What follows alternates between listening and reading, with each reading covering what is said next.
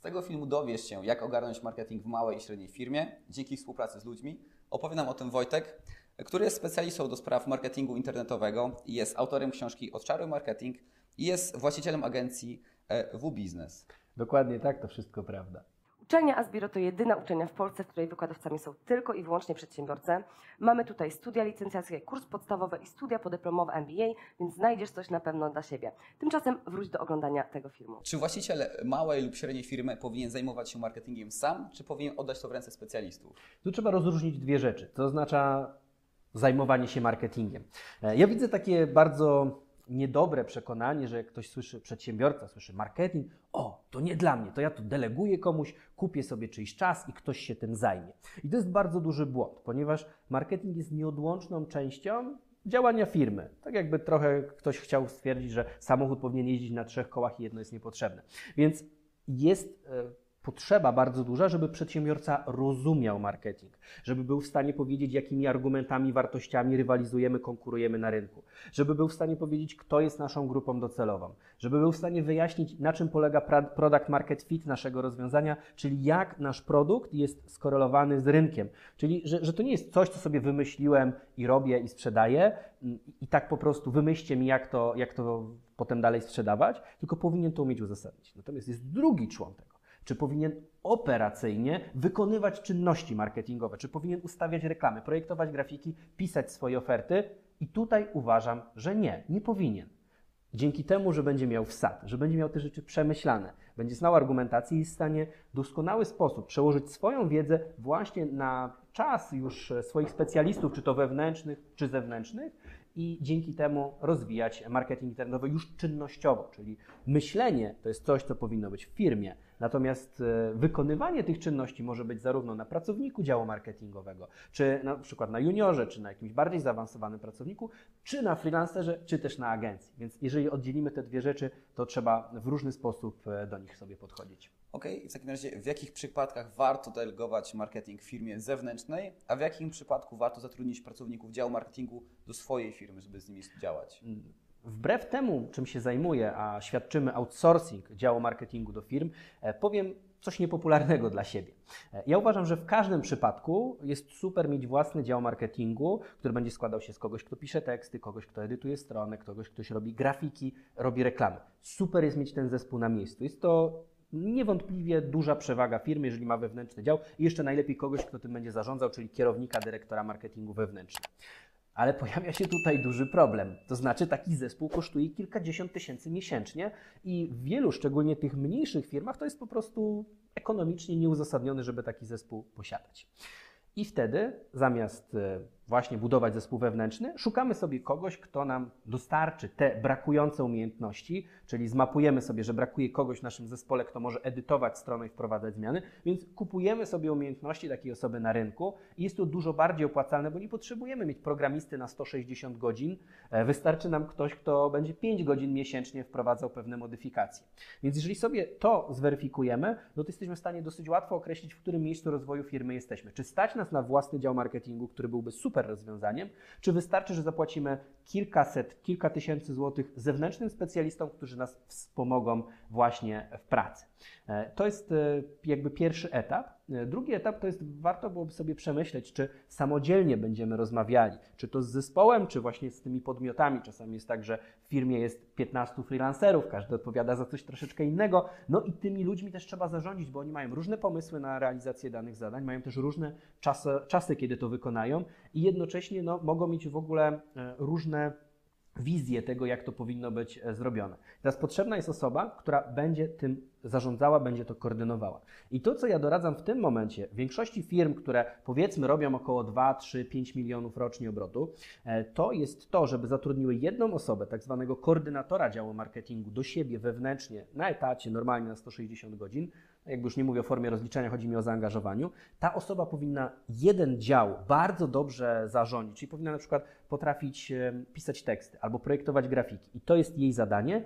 Oprócz tego powinna mieć świadomość, jak działa cały marketing i w tych innych działach zatrudniać sobie ludzi i przez to, że zatrudnia, dobiera podwykonawców, to ona robi jeden dział, reszta jest e, zewnętrznie i wtedy to wszystko pięknie sobie gra. E, Jest to tak zwany T-shaped marketer, który jedną, w jednej rzeczy jest specjalistą, ale o wszystkich coś tam wie tak, żeby móc na poziomie porozmawiać z podwykonawcą i wiedzieć, co skontrolować. Właśnie wyprzedziłeś mnie, bo chciałem się spytać, jak znaleźć dobrego pracownika do działu marketingu, ale wspomniałeś o tym, żeby mieć taką osobę główną dowodzącą. Też wspomniałeś o tych predyspozycjach. I pytanie w takim razie, y, jakie są największe błędy przy rekrutacji właśnie takiego pracownika do działu marketingu? Jakby na co przedsiębiorcy muszą zwrócić uwagę? Jakich błędów jakby często się, jak się mhm. powtarzają? Jakby wrócę troszeczkę do poprzedniego pytania, ponieważ ja uważam, że najważniejszą cechą marketera, takiego, którego się zatrudnia do firmy, jest dociekliwość. Co ja przez to rozumiem? Dociekliwość to jest ktoś, kto będzie drążył, zadawał pytania, podważał i tak dalej, aż dojdzie do prawdy, czyli na przykład będzie w stanie wziąć sobie inżyniera na rozmowę i wyciągnąć, powiedzieć, co ty tutaj inżynierze projektujesz w tym naszym produkcie, w tym dziale R&D, co jest takiego fajnego, co można byłoby pokazać na rynku i nie da się zwieść, że tam powie, no, nowoczesne rzeczy, innowacyjne technologie, bo to są buzzwordy, które nic nie, nie oznaczają. Jest takie fajne podejście, żeby powiedzieć, opisz mi swój produkt, opowiedz, co robisz, ale bez używania przymiotników. I to jest coś, na, co powinien, na czym powinien pracować marketer, czyli powinien być dociekliwy. I z drugiej strony, jak czegoś nie wie, a zawsze będzie, będzie taki obszar, w którym no, nie ma prawa wiedzieć o wszystkim, to się dynamicznie zmienia, to nie boi się wpisać to w Google. Nie boi się po prostu sobie poszukać na YouTubie odpowiedzi na swoje pytania, bo zawsze będą takie pytania, na które nie zna w bieżącej chwili odpowiedzi, więc musi być dociekliwy. To jest pierwsza rzecz. Teraz błąd e, przedsiębiorcy to jest to, że nie wie, że marketer powinien być dociekliwy, powinien zadawać te niewygodne i trudne pytania, ale po drugie, oczekuje się od tych marketerów, nawet na tym początkującym poziomie, którzy mają niewielkie wynagrodzenie, oczekuje się tego, że będą kombajnami, że on nagle przyjdzie i on będzie edytował stronę, będzie robił grafiki, on będzie odpalał adsy, będzie wysyłał maile, wysyłał smsy i tak dalej, i tak dalej, i tak. Zajmie się wszystkim. Ale no, to jest potem trochę tak jak z kaczką. Kaczka też trochę pływa, trochę tańczy, nie, no, trochę lata, trochę pływa, ale nic nie robi wybitnie. Nie jest ani tam sokołem szybkości, ani nie jest najlepszym pływakiem, ani na pewno nie jest strusiem w bieganiu. Nie? Więc bierzemy takie kaczki i potem dziwimy się, że grafiki są trochę brzydkie, teksty są takie trochę na bakier, reklamy nie działają i wszystko nie ma sensu. No tak, no bo wymagamy zbyt dużo od jednej osoby. E, kombajny nie istnieją, więc specjalista w jednej dziedzinie, a reszta musi być zatrudniona do tego jakaś tam inna osoba, nie? do tych innych rzeczy. I to jest podstawowy błąd w rekrutacji. Uważam, że też ludzi bierze się za szybko do pracy. To znaczy, e, widzimy, jeżeli ktoś prowadzi social media i jest tam biegły w tym Instagramie i tak dalej, e, no to twierdzimy, że dobra, skoro on tam ogarnia to, to będzie dobrym marketerem. Nieprawda, bo to jest trochę tak, jakby twierdzić, że ktoś, kto potrafi ogarnąć Worda, będzie dobrym pisarzem książek. Albo ktoś, kto umie obsłużyć piekarnik, umie dobre ciasto upiec w nim. No to nie jest prawda. Sama obsługa narzędzia to za mało. Trzeba mieć jeszcze pomysł, co tam rzucić, więc sama technologiczna umiejętność to jest tylko jedno ze składowych. Trzeba jeszcze wiedzieć, co do, tego, do tej foremki wsadzić i co na w tym Wordzie napisać, w jakiej kolejności używać e, klawiatury, po to, żeby stworzyć ciekawy tekst, e, czy tam książkę w tym przypadku. Więc sama technologiczna umiejętność to za mało, a często przedsiębiorcy ulegają złudzeniu, że właśnie jak ktoś dobrze, szybko tam obsługuje te social media, to będzie też dobrym marketerem.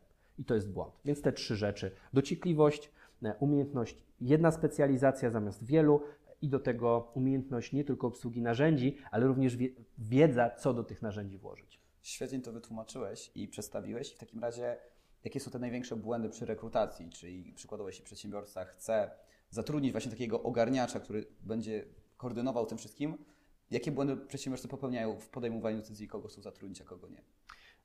Ja myślę, że po pierwsze mają zbyt małą próbkę, to znaczy nie, nie rekrutowali zbyt wielu marketerów w swoim życiu. W efekcie chcą dać marketerowi taką samą pensję jak asystentce, jak sekretarce, jak osobie, która, e, która no, będzie wykonywała czynności powtarzalne administracyjne. A jeżeli popatrzy się na widełki płacowe, to jeżeli chcemy zatrudnić kogoś, kto ma ręce i nogi, no to dzisiaj bez 5 tysięcy trudno podejść e, do wynagrodzenia tej osoby. Tak? E, I to jest jakby problem podstawowy, że ci dobrzy idą tam, gdzie dobrze płacą.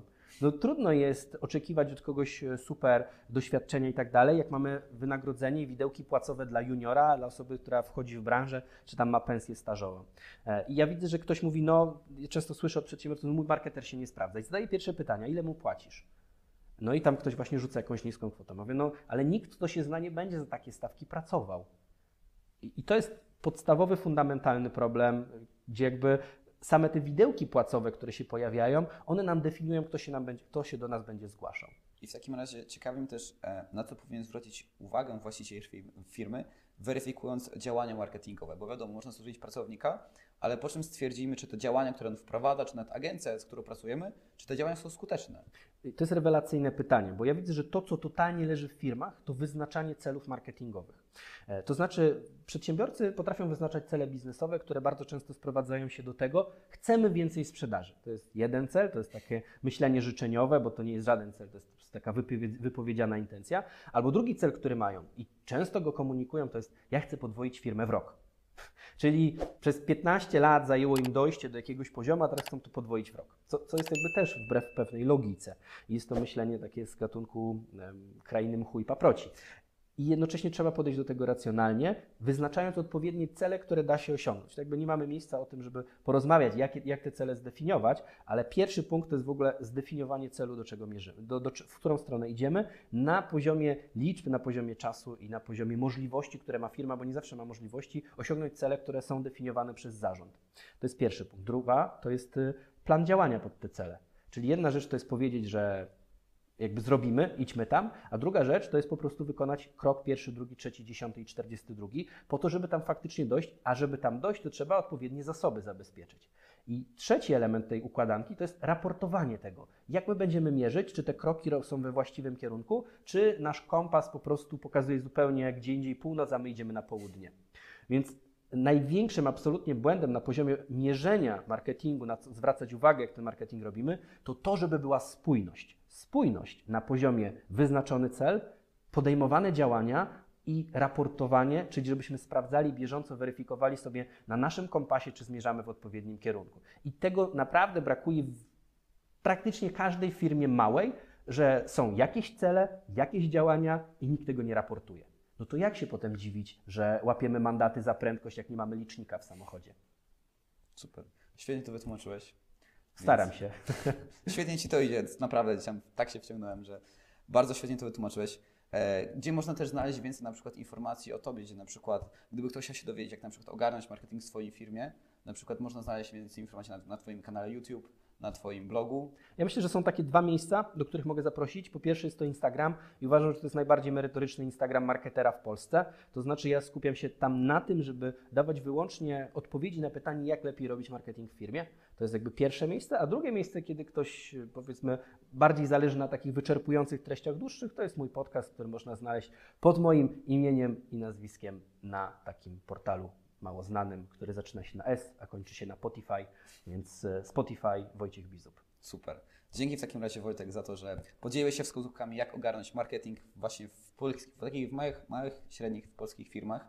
Więc jeśli materiał się podobał, zostawcie łapkę w górę.